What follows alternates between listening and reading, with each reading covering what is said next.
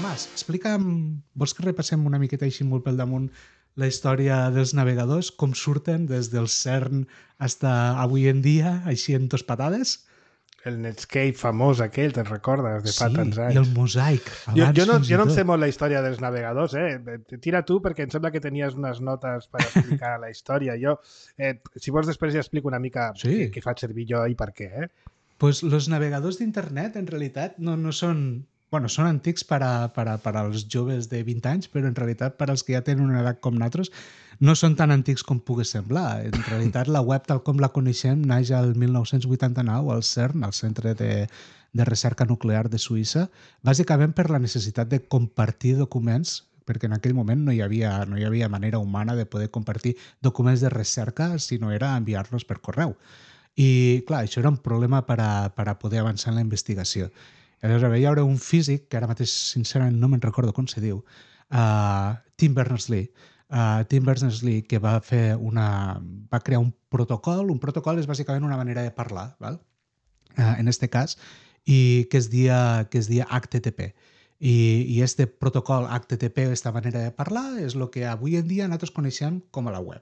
I va generar o va crear el primer navegador que es deia en aquell moment Mosaic. Pues, per què es deia Mosaic? Pues no ho sé. Hola a tothom. Fem una parada tècnica per a dir que això no és veritat. Tim Berners-Lee no va crear Mosaic. Mosaic va ser creat al Centre de Supercomputació d'aplicacions, crec que va ser a, a la Universitat d'Illinois, l'any 92. Uh, ja està, només es desveurà d'això. Però es deia Mosaic.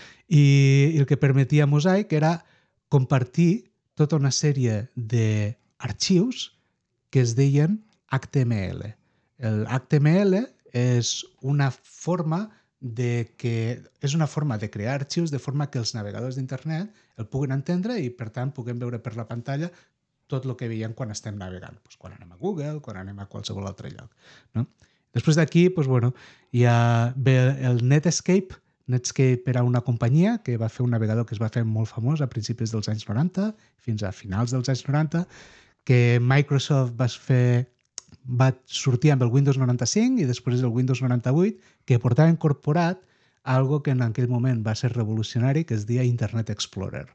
Eh, L'Internet Explorer mm, mos agrada més o mos agrada menys, això ja és una miqueta més tècnic, uh, uh, va ser una revolució perquè com que venien tots els Windows i quasi tothom, el 99,9% de la població tenia Windows, doncs tothom tenia la possibilitat de navegar per internet d'una forma molt senzilla, que era simplement engegant l'Internet Explorer. I després, a partir d'aquí, doncs, venen tots els altres navegadors. No? És una miqueta bé el Google Chrome, ve el Mozilla Firefox, que no és el Mozilla Firefox... Corregeix-me si m'equivoco, Tomàs. Crec que no és més que una evolució del, uh, del Netscape, uh, o si més no estava fet per la, mateixa, per la gent de la mateixa companyia. I, Sí, crec que sí. Mhm. i, I la resta, és a dir, crec que... I fins avui, bàsicament, que en tenim molts, i, i per això te tenim aquí, perquè ens parles dels navegadors que n'hi ha.